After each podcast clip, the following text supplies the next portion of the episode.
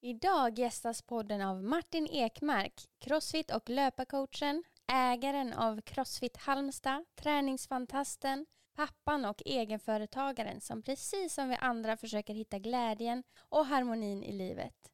Han delar med sig av sina tankar kring balans mellan aktivitet och återhämtning, träningsmotivation och vad som kan vara bra att ha med sig om man vill komma igång med regelbunden träning. Så har du svårt att hitta din motivation till fysisk aktivitet och träning så kommer här mängder av bra tips, verktyg och pepp.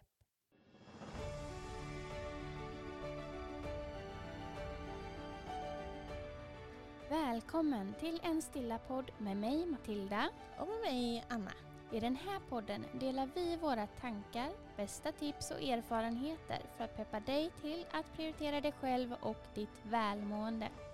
Vår övertygelse är att mer stillhet leder till mindre stress och mer balans, harmoni och glädje i livet. Nu kör vi!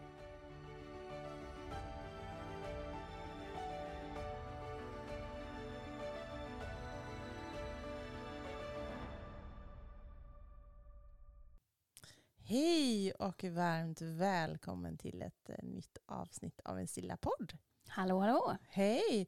Idag har vi besök. Ja, Det här är så roligt för det här är första gången vi har en gäst här på podden och det är vi jätteglada för. så otroligt spännande. Ja, varmt välkommen Martin. Men tackar.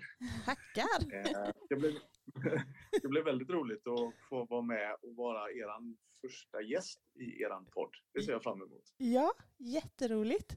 Eh, vi har presenterat dig lite kort men kan inte du också presentera dig lite grann? Självklart. Martin Ekmark, 43 år gammal, bor i Halmstad. Driver eh, en träningsanläggning här nere som heter Crossfit Halmstad. eh, Där jag är eh, ja, som sagt var delägare och jag eh, arbetar även som löpcoach och eh, ja, Crossfit-instruktör också. Så jag arbetar med detta på eh, heltid helt enkelt. Mm, träningen är ditt liv kan man säga. Det En kan del man av det. säga. Ja, vi vet inte riktigt hur mycket du har lyssnat på våran podd, men vi pratar ju väldigt mycket om det här med just stillhet i livet. Så då blir ju våra naturliga fråga till dig, vad har du för relation till stillhet och återhämtning? Finns det något som du prioriterar i din vardag? Ja, men alltså, jag, eh, jag har ju alltid varit en väldigt aktiv person och väldigt framåt av mig. Och I många delar av livet så har jag varit dålig på att prioritera återhämtning och jag har väl alltid känt att lugnet gör mig ganska rastlös. Det kryper i kroppen på mig när det blir lite för lugnt. Och eh, det har jag fått jobba ganska aktivt med. Eh, och framförallt de sista åren när, ja, vad ska man säga, när livet eh, hoppar på en och det är, är vardagsbestyr och det är barn och det är ett heltidsjobb och det är, ja, ni, ni, ni kan Mm, alla de mm, där Ja. eh, grejerna. Men idag så, så har jag väl försökt implementera en hel del lugn och återhämtning för jag inser att jag behöver det helt enkelt. Mm. Ja, jag försöker ge mig, ge mig tid för återhämtning och eh, reflektion. Ja, vad ska jag säga, något konkret som något som jag har implementerat här nu kanske sista halvåret. Det är ju att ja, men i min läggningsrutin så finns det ingen telefon med i bilden utan den lägger jag i köket innan jag går in och lägger mig i sängen och sedan så lägger jag mig och läser i ja, men 15-20 minuter innan, Mm. innan boken faller ner på, på ansiktet och man somnar. Ja, det är ju helt strålande. Ja. Mm. Har du, Ja, det- har det du en sån jag- väckarklocka i ditt sovrum som, som ringer då på morgonen istället för telefonen? Ja, Mm. ja, jag gick och köpte mig en analog väckarklocka. Mm. Wow. En sån skulle jag vilja ha. Jag tror verkligen att det är bra. Ja. Lämna telefonen utanför sovrummet. För min del så har det varit en, en eh, jättekick Mm. kan man säga i min, i min sömnrutin för att Mm. jag sover, eh, sover betydligt mycket bättre. Det gör jag. Ja, det här är ju helt i linje med förra avsnittet så pratade vi ju just om det här med kvällsrutiner och vad man kan göra för att, att eh, främja en god sömn och så. Och det, det här är ju faktiskt ett toppentips. Man hör det ibland, men man, alltså jag vet inte om jag har hört någon, att någon faktiskt har gjort det rent konkret. Man, man har hört att många pratar om det, men inte att någon faktiskt gör det. Så eh, det är imponerande. Men det var, jag kom till en period eh, där i höstas när eh, tankarna och bruset i hjärnan inte ville stänga av sig. Och, och jag låg och, och, vände och vred på mig och grubblade. Och, och, normalt sett så kanske jag inte har, ja det kan ju vara i, i olika perioder. Men normalt sett så kanske jag har, eh, jag har väldigt lätt för att somna. Mm. Och i denna perioden när det var mycket, jag gick in jag sa upp mig från mitt, från mitt eh, heltidsjobb, så att säga, mitt vanliga människojobb mm. och eh, satsade på egenföretagande och, och gick in i det här. Och I samband med det så var det väldigt mycket, mycket tankar i huvudet och jag kände att jag, jag behövde kontrollera det på ett sätt. Och det här var ett, ett konkret sätt mm. att göra det. Och det, det, det har verkligen hjälpt mig mm. eh, jättemycket. Häftigt. Sen, sen sover man ju dåligt i olika omgångar i alla fall och mm. det, det finns finns brus i skallen i alla fall. Mm. Men precis. Men då, nej, och det, då har ju du verkligen tagit tag i liksom din sömnåterhämtning om man säger så. Men har du någonting som du använder, alltså vaken återhämtning, alltså i form av någon stillsam aktivitet eller sådär som du brukar göra? Inte med någon rutin, ska nej. jag inte säga, men, men eh, emellanåt eh, så brukar jag köra lite mobilitet på kvällen innan jag går och lägger mig. Mm. Eh, rullar ut yogamattan och kör lite olika stretchövningar och ja, men kommer ner i tempo. Jag skulle behöva göra det betydligt oftare än vad jag gör. Så. Men eh, ibland händer det. Och ibland så kommer jag in i en rutin där jag gör det ganska frekvent. Men eh, ja, absolut att eh, där finns utvecklingspotential. Ja, men precis. Ja, och mobilitet är ju någonting som vi älskar också. Ja, jag tycker ju väldigt mycket om att göra det sådär efter träning. Att efter du har gått upp i flås, du har gått upp i alltså hjärtat slår och allting. Mm. Så efteråt att komma ner i varv, att ta en stund och, ja, mm. och inte bara springa iväg ut genom dörren, hoppa in i bilen och köra hem, utan att man får varva ner på plats. Det tycker jag är så skönt. Det är jättehärligt. Mm. Men du, du, nämnde det här att, att eh, periodare och inte alltid gör det fastän du skulle vilja. Sådär. Vad, vad handlar motståndet om då?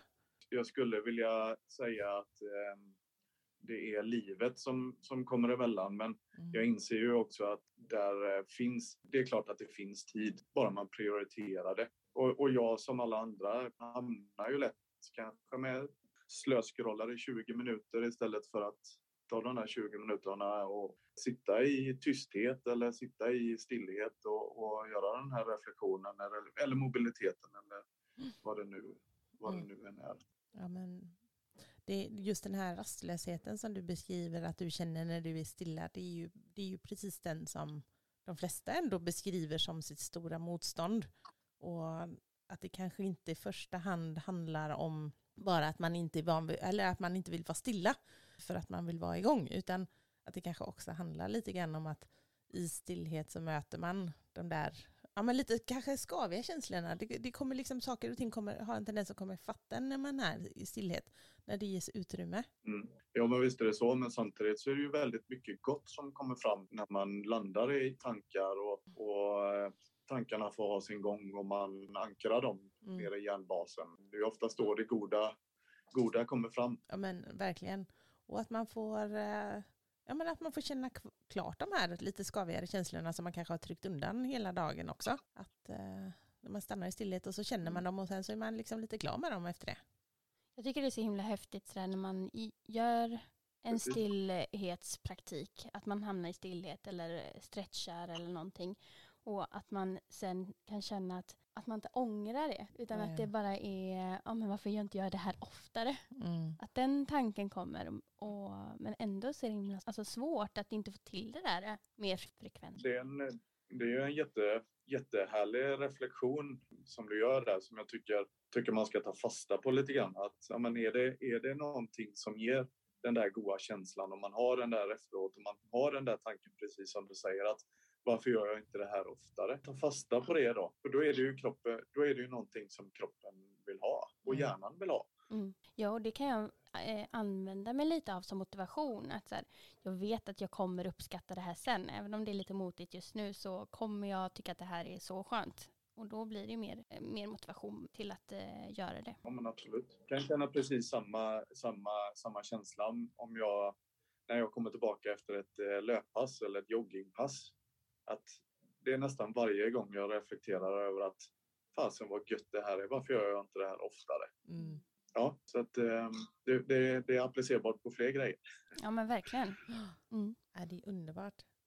Eh, nej men precis, ja men just den här balansen mellan aktivitet och vila, balansen mellan den hårda träningen, alltså yang då i våran värld och återhämtningen, vilan, alltså i form av yin i våran värld. Eh, det är ju den vi Mm. ständigt kommer tillbaka till för att det är klart att, att vi pratar väldigt mycket om stillhet här men men eh, balansen är ju ändå någonstans det viktigaste. Du kan inte bara vara i stillhet för att då eh, blir det ju fel åt andra hållet. Så att Vi behöver ju aktiviteten också. precis, Mm. och då är ju frågan hur stor roll har den fysiska aktiviteten för ditt välmående? Ja, för mig så skulle jag säga att den är helt grundläggande. Utan fysisk aktivitet så funkar jag väldigt dåligt. Men, men jag skulle vilja göra en re- reflektion där, att, eller en, en, en, en ja, men som, som jag tycker. Det är Mm. ju att för mig kan ju även en fysisk aktivitet vara vila. För mig, precis som, som ni säger, liksom det här, jag lever ju i en miljö ganska många timmar om dagen när det är hög musik, det är hög intensitet på en crossfit-box. Det är i princip aldrig stilla.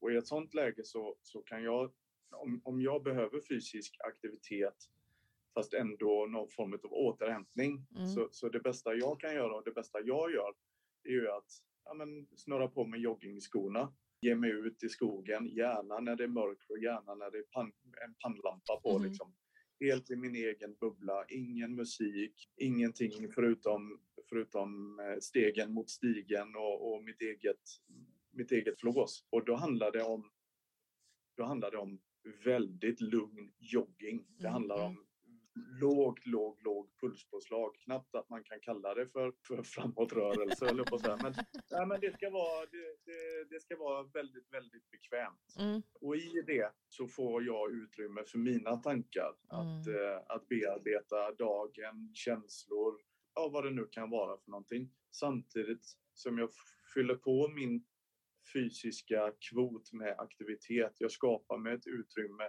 där jag får min dagliga dos av endorfiner och dopamin som, som jag behöver för att funka. Och de flesta behöver för Mm. att fungera på ett bra sätt. Eh, Så, så jag hamnar oftast där när det kommer till, vad ska vi säga, ja, men fysisk aktivitet i vila. Ja.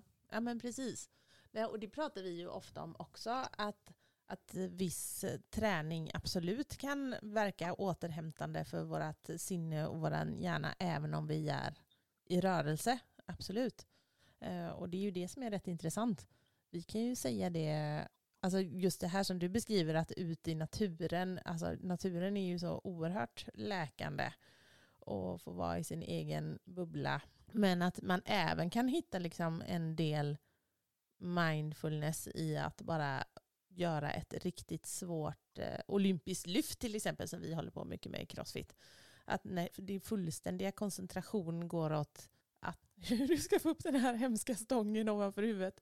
Då kan du ju liksom inte fundera på så mycket annat som skaver och är stökigt i livet. För då är du så koncentrerad. Så det är ju liksom en del av en del mindfulness det också. Ja, men det är någonting som jag eh, blir ganska fascinerad av varje gång jag tränar. Att hur, hur lätt det blir att släppa tankar om oro, ältande, någonting som man har gått runt med och bearbetat kanske under dagen eller sådär. Eller någon händelse. Att det bara är som bortblåst samtidigt som man tränar. Jag har inte ägnat en tanke åt det samtidigt. Jag är helt fokuserad på eh, vart jag ska spänna kroppen, hur jag ska röra mig, räkna, alltså allting som Mm. ingår i eh, vår träningsform. att det, det finns inte utrymme till, eh, till något annat. Det är så befriande. Mm. Väldigt, väldigt skönt. Men där, men där är det ju lite olika för det är klart att du befinner dig i den här miljön hela dagarna. Precis som du säger med skivstånger som slängs i golvet och hög musik och mycket människor i omlopp. Så att det är klart att det blir skillnad för oss som går in och, och tränar en timme och så Mm. sen går vi hem. Men, Ja. men det där upplever jag, det kan ju vara väldigt olika vad jag behöver och vad kroppen behöver från dag till dag. För precis som du säger där Matilda, så den här jag- jag upplevde ju när jag gick in i, i Crossfit-boxen första gången för tio år sedan att det var, det var första gången som jag hittade avstängningsknappen i mitt huvud. Mm. För att jag var så rungen att fokusera på det jag ska göra. Hur många repetitioner jag har gjort, tekniken, allt sånt. Och det var så himla skönt när jag insåg det att fasen, här är den där avstängningsknappen Mm. som jag verkligen har letat efter. Men det är inte alltid som sagt var det man behöver eller det jag behöver. Nej. Utan ofta, ofta för mig handlar det om att ja, men processa och bearbeta. Och det gör jag, det gör jag gärna ute i skogen med ett par, par joggingskor på fötterna. Mm. Men, men det finns faktiskt också ett annat tillfälle som eh, jag eh, ofta landar i. När Mm. det handlar om att bearbeta saker eller hamna i någon form av stillhet. Jag är ju, jag är ju bagare i grund och botten. Ja, just det. Och jag, jag tycker ju det är oerhört rogivande att, eh, att baka, att skapa någonting med händerna. Jag, Mm. jag skulle vilja säga att jag är ganska praktiskt lagd och jag, jag tycker att hålla på med mina händer, skapa någonting, göra någonting.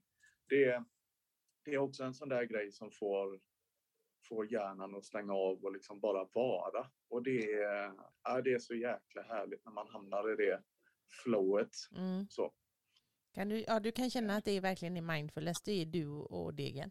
Ja, det är jag, degen och en kaffekopp. Ja, Mm. det låter ljuvligt.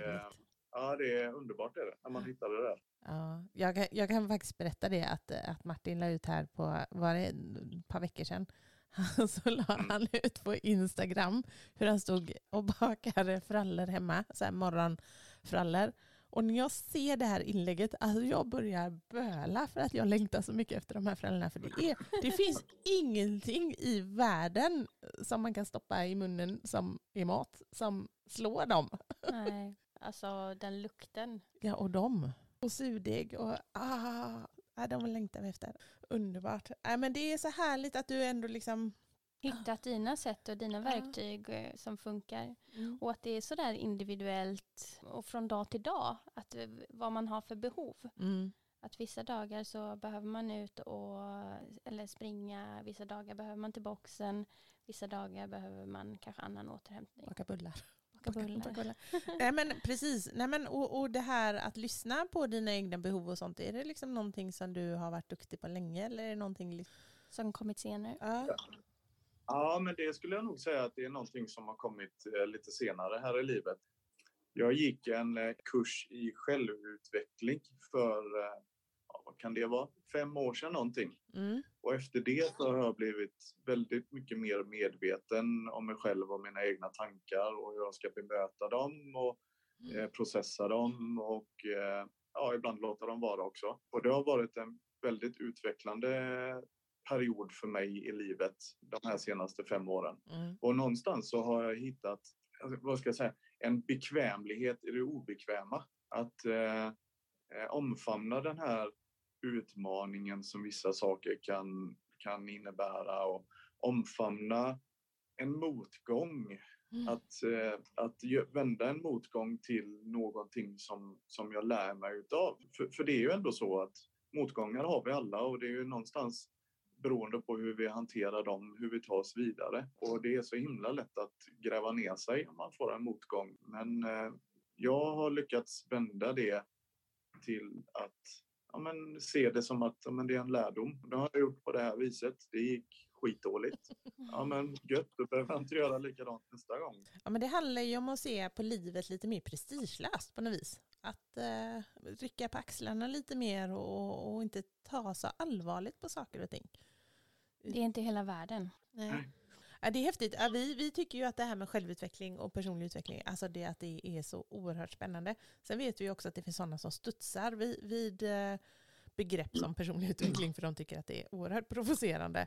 Men det handlar ju, i grund och botten handlar det ju om att må bättre själv inombords och Ja. att använda sina egna verktyg till det och ta ansvar för sitt eget liv så långt man kan. Det finns ju mycket vi inte kan ta ansvar för som påverkar oss här i livet men det vi kan ta ansvar för själva, det är, det är fint att göra det mot sig själv. Ja. Spännande. Om vi ska återgå lite till eh, träning och yang-delen tänker jag.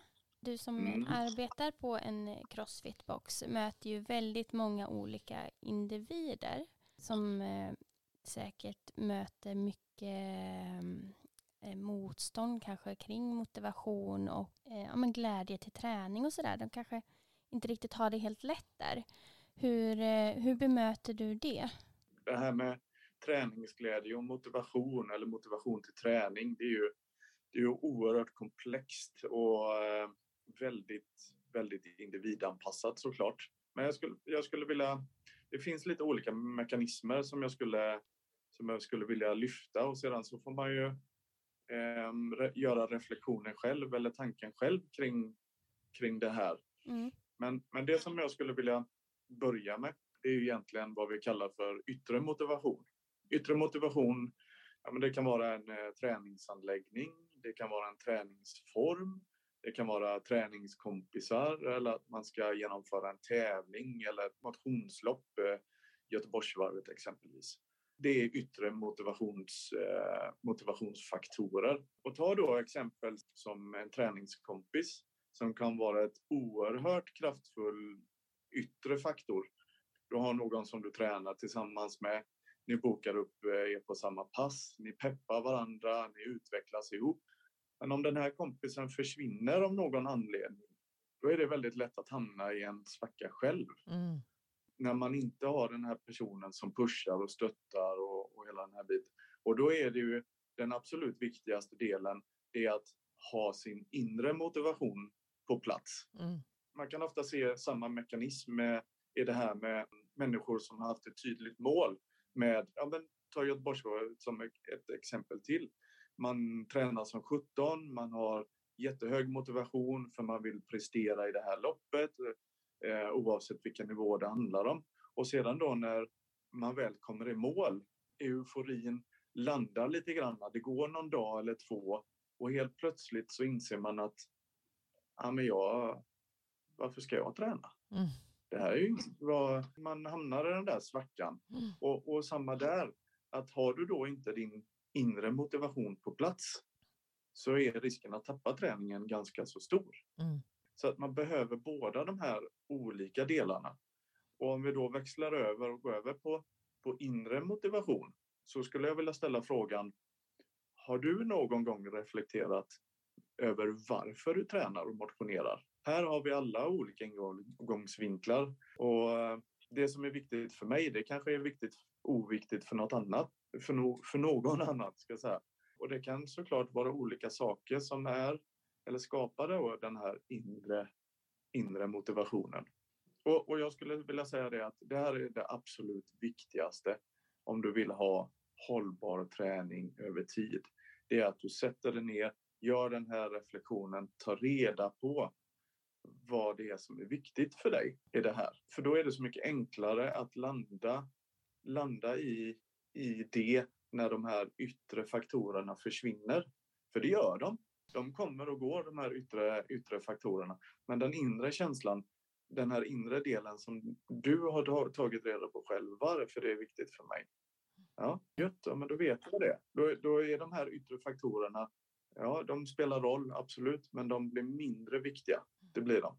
Och, och då hur man tar reda på den här inre motivationen så tänkte jag lite gå till mitt eget exempel om ni följer med, om ni följer med mig i mina tankebanor hur, Ja. jag, hur jag har landat i, i det hela.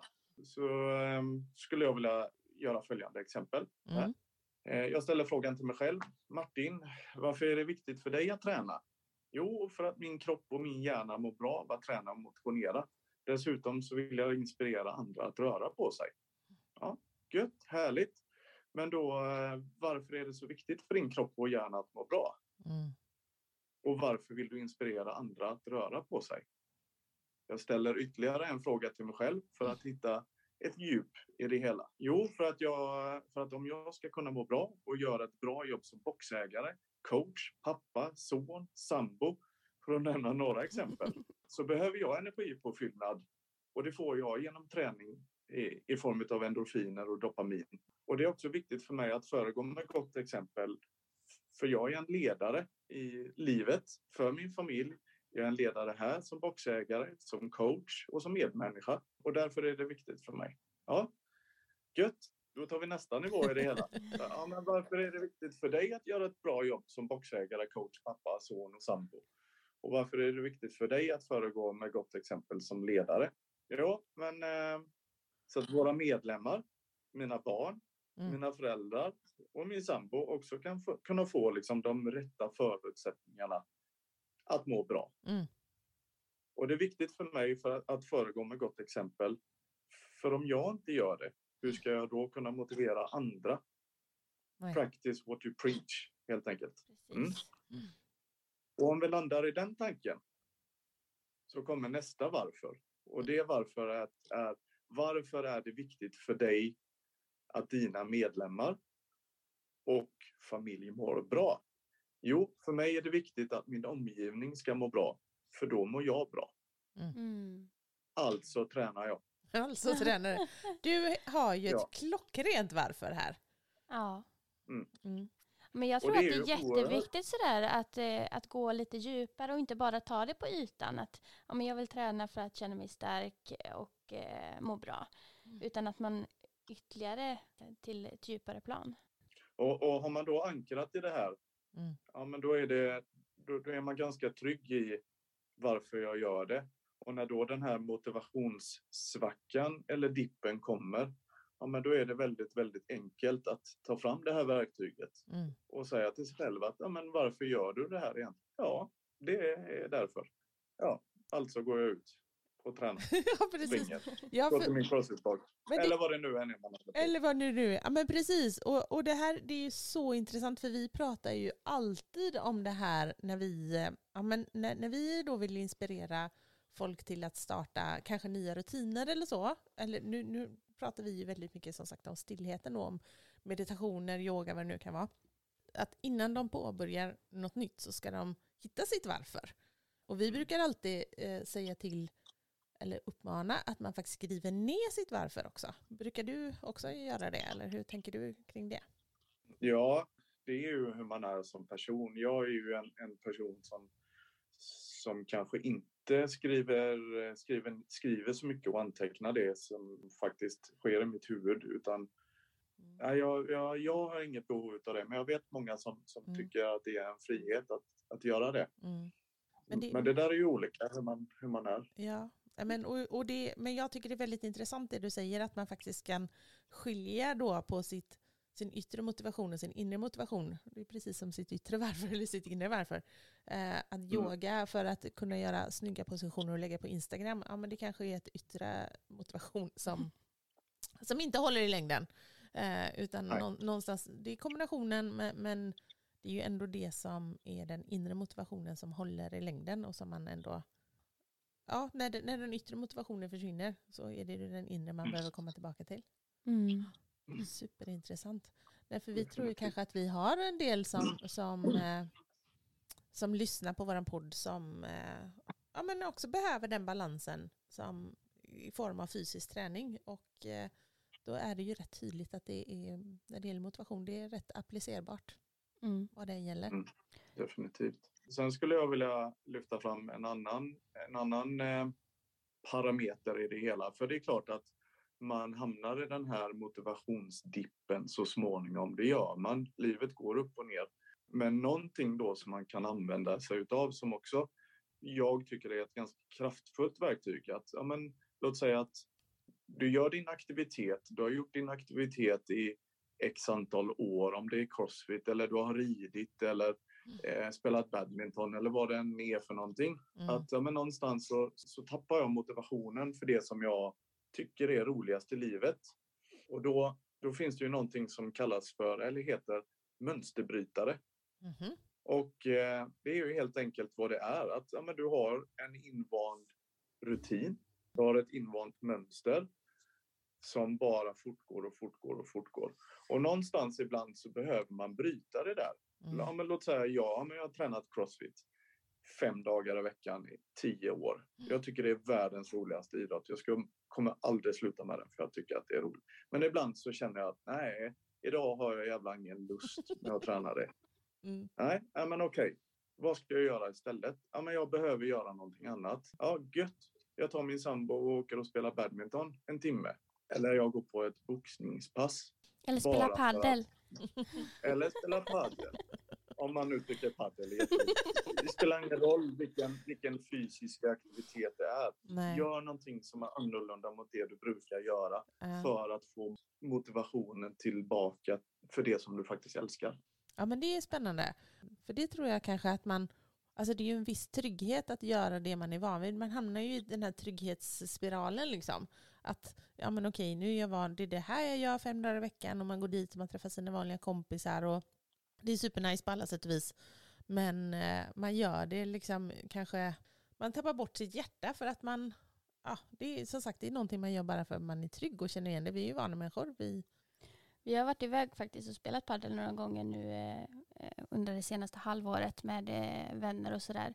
Och jag känner att det har varit eh, väldigt befriande att få utmana hjärnan lite på ett annat sätt. För man, ja, men man är van vid samma övningen ungefär på träningen.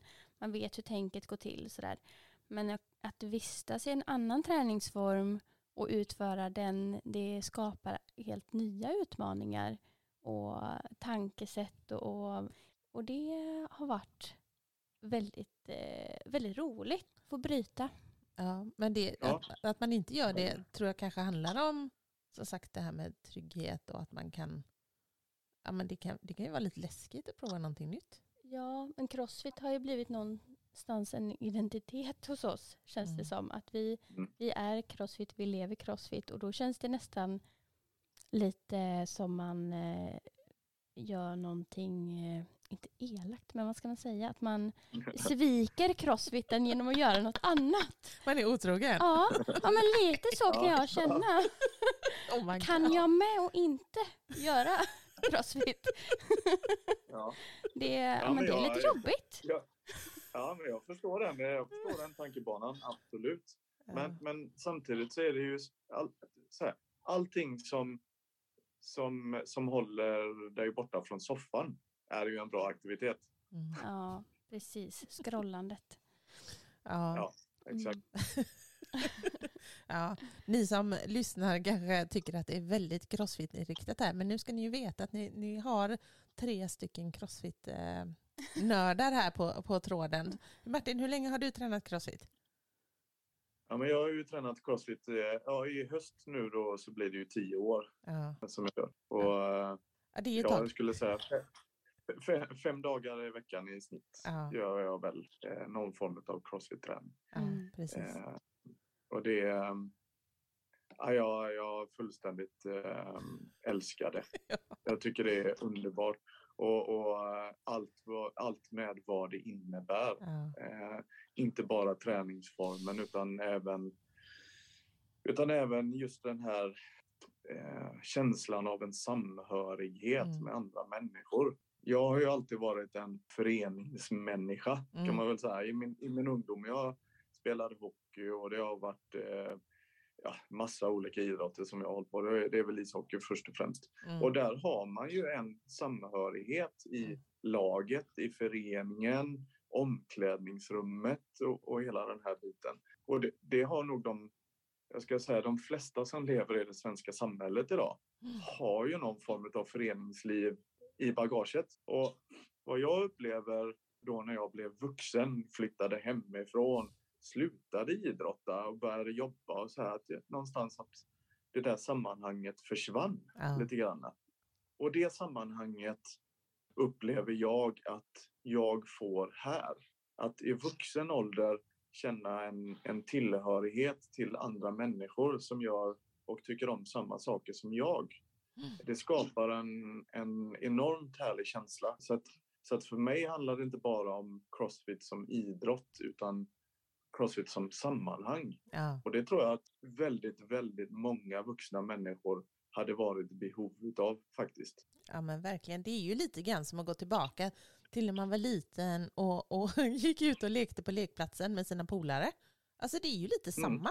Man, man gör saker bara för att det är roligt och man gör det även om man, liksom, man, man kommer från helt olika sammanhang på dagtid. Vi har alla sorters människor från alla sorters, eh, ja, men som jobbar med alla olika sorters saker på dagarna och så, Möts man. så möts man och så leker man tillsammans. Ja, det, det är ett jättehärligt sätt att se på det. ja, Mm. det är absolut. ljuvligt. Men Matilda, du, hur länge har du tränat crossfit nu då? Sju år eller? Ja, något sånt. Ja, något sånt cirka. Mm. Jag vet eh, första gången vi var nere i Halmstad och eh, fick testa på på er gamla box där. Hur, eh, hur, ja, men hur häftigt det var. Mm. Mm. Och vi har fortfarande bilder och sånt kvar. Så ibland så tittar jag tillbaka och bara åh, Ja. det var här vi blev förälskade. Ja. Ja. Ja, det- Hur länge har du tränat? Ja, men jag har ju tränat i åtta år. Mm. Och det, det var ju faktiskt som så här att, ja men som sagt du hade ju börjat då Martin att träna och så vet jag att du sa vid något tillfälle att jag ska vara med i en tävling och tävla i crossfit. Och jag bara, ja men det är ju det här du har börjat träna, jag vet inte vad det är för någonting. Nej men ni får komma och kolla på den här tävlingen. Jag bara, ja, okej vi skulle avbryta semestern för att komma och kolla på din tävling. Jag var, inte, jag var inte så imponerad av den tanken. Eh, men, men såklart, som, som den stöttande syster då, som man är. Mhm. Eh, så, så, så kom vi och tittade på när du skulle tävla. Och det var ju, alltså crossfiten, alltså det, det bara slog undan benen på mig. Jag kände där och då, alltså wow, det här vill jag också göra. Det här vill jag också göra. Det var så, det var så um, mindblowing hela grejen liksom. Med musiken, med de tunga vikterna, med ja, men, alltihopa. Jag, jag tyckte det var fantastiskt. Sen vid det här tillfället då, så hade vi ju ingen crossfit här i Alingsås. Utan vi fick, fick komma och träna lite grann hos dig när vi, när vi var på besök. Men så ja, våren 2014 så, så skulle vår coach öppna crossfit i Alingsås. Så jag var första man på plan. Jag hade bestämt mig. Jag var i så dålig form. Jag var i så dålig form så jag har aldrig varit någonsin. Och jag tänkte det, nu, nu kommer jag, åh, jag kommer dö. Jag kommer dö. Men det, nej, jag dog inte. Jag har fortfarande inte dött åtta år senare. Det, och det är fortfarande lika roligt. Jag är fortfarande lika tagen av det. Mm. Ett, ett vanligt sketet grupppass på en tisdagkväll är fortfarande lika magiskt. Det är häftigt. Ja, visst är det mäktigt. Mm. Ja, nej, det är Ja. svinhäftigt. Jag gillar ju också att inte ett pass är det andra lik nästan. Utan man kommer dit, vet inte riktigt vad som eh, står på tavlan, vad man ska göra. Och så vad det än står så gör man Ja. Skiten, får man säga så? gör man det och, och ifrågasätter det inte utan bara, ja nu gör vi det här och så gör vi det tillsammans. Ja. Och, och det är det som är så härligt. Men någonstans har man ju lärt sig under åren också att alltså den första tiden när man kom och tittade på vad det stod på tavlan så tänkte man det här kommer jag ju dö av. Det här kommer jag ju inte klara. Men man har ju som sagt överlevt än så länge så någonstans har man ju lärt sig att man tittar på tavlan och det är ingen mening att tänka att man ska dö för att nej, uppenbarligen har jag ju inte gjort det än så det är väl väldigt liten risk att jag gör det just idag. Mm. Ja, Eh, precis. Och, man, och som sagt man tänker inte så mycket på det utan eh, man, man gör det som står och så är det inte mer med det. Mm. Mm. Underbart. Ja, men det, det, det, det där leder faktiskt in mig på den, den sista, sista delen som jag, eller sista punkten som jag hade i det här med, med eh, motivation och så vidare. Och det är helt enkelt pannben. Mental tuffhet Mm. eller pannben. Det är någonting man kan träna upp Mm. över tid. Och ibland så är det faktiskt det som behövs. Lite helt enkelt hederligt, vanligt jävla anamma. Precis. Och det var det du gick in med Mm. när du gick in den dagen på, på, på borgen för åtta år sedan. Och tänk vilken resa du har gjort med den biten Mm. under de här åtta åren. Ja men verkligen. Ja, men så, så är det. Jag- Och jag kan ju få höra det där ibland. Ja men det är ju lätt för dig som har, är så jävla enveten eller har sånt pannben eller sådär. Men jag menar ju på att vadå, det där har vi i oss allihopa. Det gäller ju bara att locka fram det. Alltså det är ju inte som att mi, i mina gener fanns det mer envishet än i någon annans. Utan det är ju någonting man får bestämma sig för. Ja. Alltså vi, vi formar ju själva hur vi är.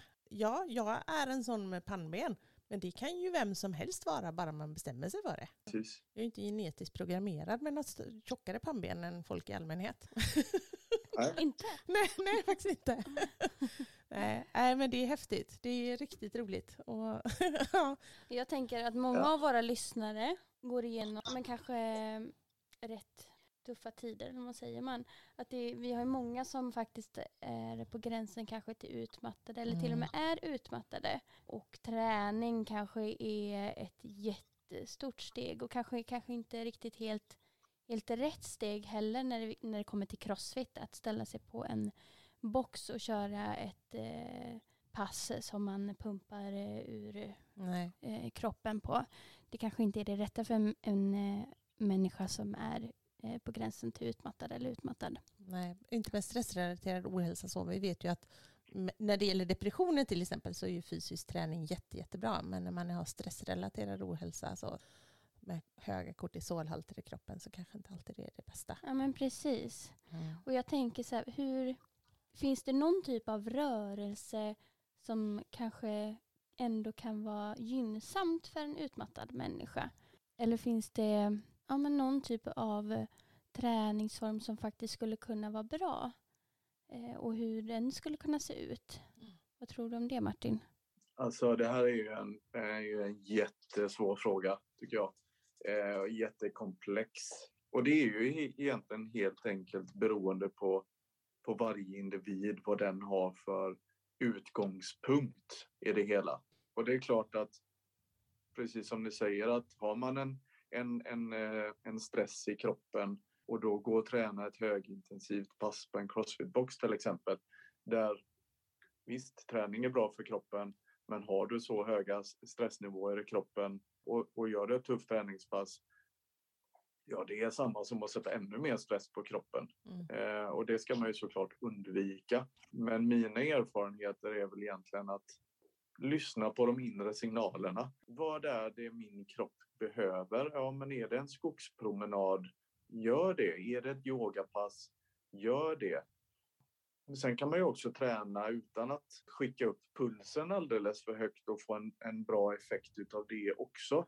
Någon form av funktionell styrketräning. Vi har ju någonting här som, hos oss som vi kallar för functional bodybuilding som är att mer lågintensivt pass där vi jobbar, ja, ska jag säga, i mer komplexa rörelser där vi utmanar oss, kanske inte främst med en tung vikt, men vi utmanar oss i, i olika plan. Det kan både, både vara det horisontala och vertikala planet samtidigt, vilket gör att men kroppen och nervsignaler och sånt blir utmanade på ett helt annat sätt. Vi arbetar i väldigt långsamt tempo Mm. eh, där, man, där man jobbar kanske mer långsamt i den negativa fasen. Om vi tar till exempel en knäböj så behöver du inte ha speciellt mycket vikt på skivstången för att göra en knäböj utmanande. Men låt säga då att du står i din utgångsposition i en knäböj och så i den negativa fasen där du går ner och sätter dig i Mm. din knäböj. Att du låter den ta 4-5 sekunder, sitter i bottenposition, Mm. 4-5 sekunder för att sedan då ha en liten i din, i- din explosiva fas eller där du extraherar kroppen, ha lite mer tryck. Och gör du det, detta under låt säga fem repetitioner, Mm. ja då behöver du inte många kilo på stången för att det ska bli utmanande för Mm. muskulaturen. Nej. Men däremot så kanske vi håller nere pulsen och eh, belastning på nervsystem och Mm. sånt. Mm. Mm. Mm. Ja, men jättebra tips. Ja.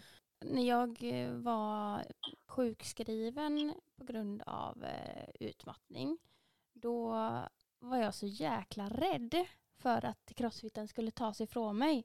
Mm. För jag kände att eh, jag vill fortsätta träna. Det var ju en enorm rädsla att inte få fortsätta det som jag egentligen känner att det ger mig energi och det som jag tycker är otroligt roligt och eh, ger mig så himla mycket. Att det skulle tas ifrån mig, det var en enorm rädsla. Mm. Och jag visste inte riktigt hur jag skulle förhålla mig till det.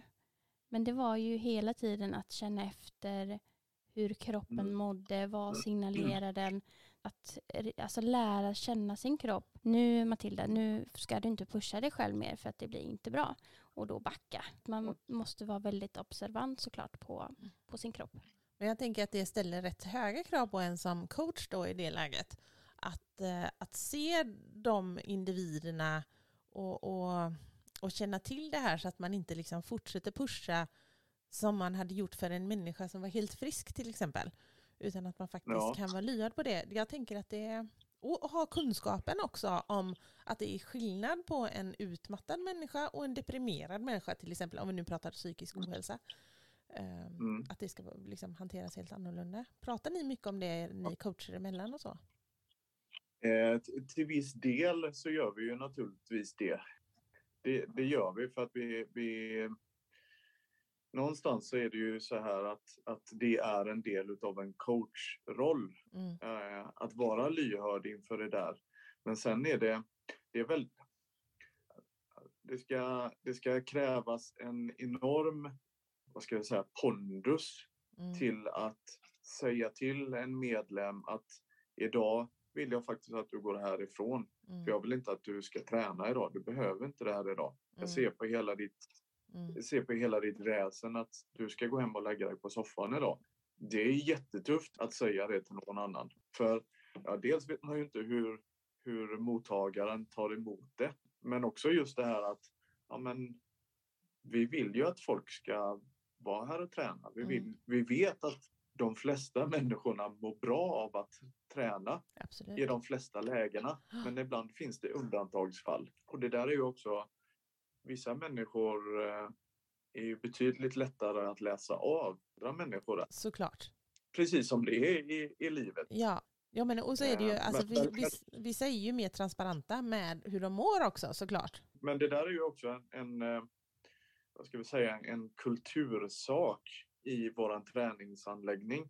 Och det är någonting som, som vi behöver jobba mer på, men någonting som vi, som vi ändå har uppe på ytan, det är just det här att ja, men, eh, man gör vad man kan för dagen. Ja, men känner jag att ja, men jag kan inte ta 100 kilo i marklyft idag, för min kropp klarar inte av det. Nej, men den kanske klarar 50 kilo då. Toppen! Mm. Gör det, jättebra. Och märker du mitt under en workout att nej, det här är fan inte bra för mig idag. Nej. Mm. Nej, men sätt dig ner och titta på de andra då. Livet är ett maratonlopp. Vi ska, vi ska ta oss hela vägen och vi ska göra det på ett så bra sätt som möjligt. Ett avbrutet träningspass, mer eller mindre. Eller ett uteblivet träningspass, Mm. mer eller mindre. I det långa loppet har ingen som helst påverkan. Nej, nej men precis. Nej, för jag, jag, jag kunde också, precis som Matilda beskriver under min utmattning, jag kände ju rätt tydligt att ja, men i vanliga fall, ni vet när, när man känner det motståndet, man, man tränar på och så känner man att Åh, idag är det lite tungt. Men i vanliga fall tänker man att äh, det är nog bara lite latmasken och så trycker man på lite mer istället. Och så går det ju Mm. bra. Mm. Jag kunde ju inte göra det heller då, utan när jag tryckte på, det var ju tvärstopp. Ja. Och, och jag, jag, jag lärde mig ju ändå att, att acceptera det och, och tänka att det är helt okej, jag behöver inte trycka på utan tvärtom, känner jag det här motståndet så backar jag istället, tar det långsammare. Men jag hade väl nog känt att jag kanske hade behövt mer stöd i det från mina tränare och så också. Men det är ju som du säger att det är svårt för dem att veta. Men jag hade nog, det hade nog funnits pass som jag kanske hade mått bra av att någon hade kommit fram till mig och, och sagt att vet du vad Anna, ska inte du ta och köra lite nedvarvning i mobility-hörnan istället? Ja. Att få lite hjälp i det. Jag, jag hade ju till exempel inte tagit illa upp av det utan tyckte att det kanske till och med var lite skönt att någon annan tog ansvar för det en liten, liten stund. Ja. Ja, och där tror jag du sätter fingern någonstans lite grann på vad, eh, vad ska jag säga, ja, in, inte bara crossfit eh, coacher utan tränare i Mm. allmänhet behöver vara mer lyhörda inför. Det, det tror jag. Mm. Ja men hela tiden så anpassar man ju träningen efter om man eh, säg har brutit handleden eller har problem med höfterna eller knän eller någonting. Det- Hela tiden så anpassar man ju träningen efter yttre liksom, Mm. grejer som sitter i kroppen. Men eh, inte eh, Alltså, psykisk hälsa liksom. Det är fortfarande lite så här tabuaktigt. Mm. Ja, och, och som sagt, Ja. jag, tror att kun- kunskaperna hos coacherna kanske inte alltid är jättegoda om det heller. För att Nej. när man, när man går sin utbildning så är det ju det fysiska ofta man fokuserar ganska mycket på. Ja, det är ju, det är ju 100% rörelsemekanik som man Mm. fokuserar på i, Mm. i alla fall alla de utbildningarna som jag har gått i. Mm. Eh, där pratar man ju väldigt lite om, om eh, den mentala biten. Ja, det är rätt spännande. att, eh, men, Ja, men, det det men jag tror att det är ett skifte på gång. Jag tror att det, alltså, i samhället är stort, vi pratar mer och mer om det här och jag hoppas att det, också kommer slå igenom. För det kommer ju göra att många som faktiskt har de här bekymren kanske vågar vågar gå iväg för att de känner sig trygga med sina tränare och att, att få stöttning i det som de behöver. Det där, det där skulle jag också säga, det, det, det landar ju också ett, ett eh, ansvar på varje individ. Eh, lite grann att eh, synliggöra och tydliggöra de utmaningar som man har. Mm. Eh, precis som man säger att ja, men, om en deltagare kommer fram till mig och säger att ja, men jag kan inte göra den här övningen för att jag har ont i axeln. Mm. Ja, men okej, okay, fasen vad bra att du säger det. Mm. Då hittar vi en annan övning så gör vi det här. Mm. Och precis likadant att man får den informationen eller att man tar, mm. tar, tar del av det. Att ja, men idag jag har haft en jävligt tuff dag på jobbet idag och mm. ja, men det är lite strul med kidsen och mm. ja, men vad det kan vara för någonting. Mm. Att, ja, men, ja men gött, då vet jag det. Då kanske det är så här att ja, men, du ska ta ner vikterna en nivå. Mm. Eh, du kanske ska istället för att du kör 20 minuter så kör du 15 minuter eller vad det nu än handlar om, ja, att man då precis. anpassar det efter dagens förmåga. Mm. Så, att, så att, eh, det skulle jag nästan vilja ge som, som uppmaning. Var transparent inför din eh, tränare, din coach, dina medmänniskor. Mm. Så kommer det vara mycket lättare. Jättefint. Underbart. Jag tänker att vi ska avrunda här. Är det någonting du vill Absolut. tillägga eh, Martin, Magnus eller på att säga. Någonting du vill tillägga Martin innan vi eh, avslutar? Ja, eh, får jag göra det? Ja. Eh, för de då som, som, som, kanske sitter där hemma och tänker att nu jäklar, nu är jag på gång. Nu är jag inspirerad som tusan utav det här ja. och vill komma igång med träningen. Ja. Då skulle jag vilja ge fyra stycken konkreta tips hur du kommer igång med din träning. Mm. Ett, hitta en träningsform som du tycker är rolig och glädjefylld. Två, hitta en träningsanläggning som du känner dig trygg i och som ger dig ett sammanhang och en gemenskap. Tre, variera dig. Gör olika saker varje gång. Det kommer att ge dig en fin, fin utveckling. Fyra, och det är klassiken. Ha inte för höga ambitioner till en början. Det är jättetråkigt att behöva höra att ha inte för höga ambitioner från början. Men tänk att det är ett maraton. Det är långt. Vi ska hålla på hela tiden. Jag behöver inte köra tio pass första veckan. Det räcker med två. Jättebra. Och så ökar man den efterhand om man vill. Eller ja. inte. Eller inte, precis. Underbara tips. Jättebra. Ja, de ska, vi, de ska vi skriva ner. Det, mm. Ja, det var riktigt, riktigt bra. För det, precis, för det handlar så mycket om glädje. Ska det hålla i långa loppet så måste det få vara roligt. Det måste, det måste kännas meningsfullt på så många plan. Ja, men, eh, tusen tack Martin för att du eh, var med och eh, poddade tillsammans med oss. Det här eh, kanske vi får göra om fler ja. gånger. Absolut. Väldigt, väldigt gärna. Ja, ja men det var, och det var väldigt roligt att få prata om eh, lite yang istället för yin som vi nästan alltid pratar om. Vi pratar om stillhet. Det var härligt att få ta den andra delen av eh, balansvågen här. Att eh, prata om aktivitet som är precis lika viktigt för oss. Ja, okej. Okay. Tusen tack hörni. Ja, ja stort tack för att jag fick vara med. Ja. Och så hörs vi eh, nästa vecka och fram tills dess får du ha det så bra. Kanske, kanske, kanske att du har gått och tränat något eh, flåsigt härligt pass tills nästa gång vi hörs. Mm. Mm. Ha det bra. Ja, hej då. Hej då.